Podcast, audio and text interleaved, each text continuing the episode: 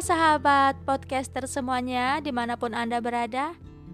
Semoga hari ini selalu sehat-sehat saja dalam keadaan baik dan tentu saja selalu berbahagia. Kembali lagi bersama saya Elnur Cahyani dalam podcast Elegi Dan hari ini juga saya masih menjalankan challenge hashtag 30 hari bersuara bersama thepodcaster.id Dan ini adalah episode kedua dengan mengusung tema awal mula. Nah, sudah tidak asing lagi kan bagaimana saya akan mengisi podcast ini? Tentunya membawakan sebuah apa ya e, bisa dikatakan sebuah materi bahasan atau ini adalah sebuah kisah. Saya bawakan seperti musikalis puisi yaitu dengan sendu tetapi bukan berarti kita harus bersedih ya. Kita harus tetap bahagia. Oke saya mulai saja pada sebuah syair yang saya tulis sendiri dengan judul kisahku.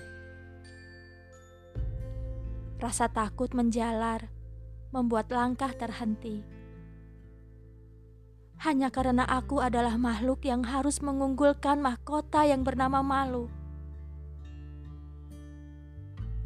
Bisikan demi bisikan menyemangati agar aku berani membuka diri.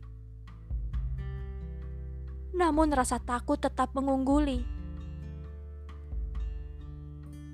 Seribu tanya silih berganti memenuhi isi kepala. Apakah dia jodohku? Atau sekedar hiburan yang menggoda agar aku gagal menjaga setia sampai jodoh yang sebenarnya hadir.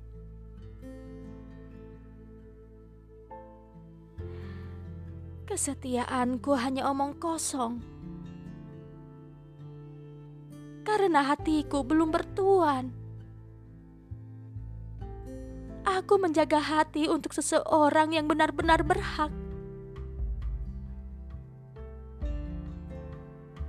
Ku coba memastikan lewat butiran doa, ku layangkan di setiap sujudku.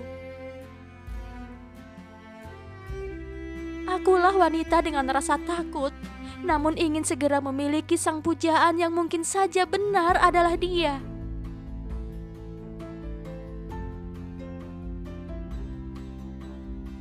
Terkadang aku mengeluh, entah pada siapa.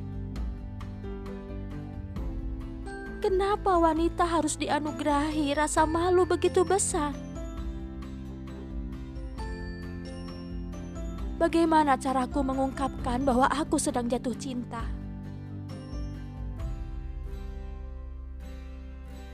Pelantara waktu membawa jawaban dari Tuhan. Dia menyambut perasaan yang selama ini kusembunyikan.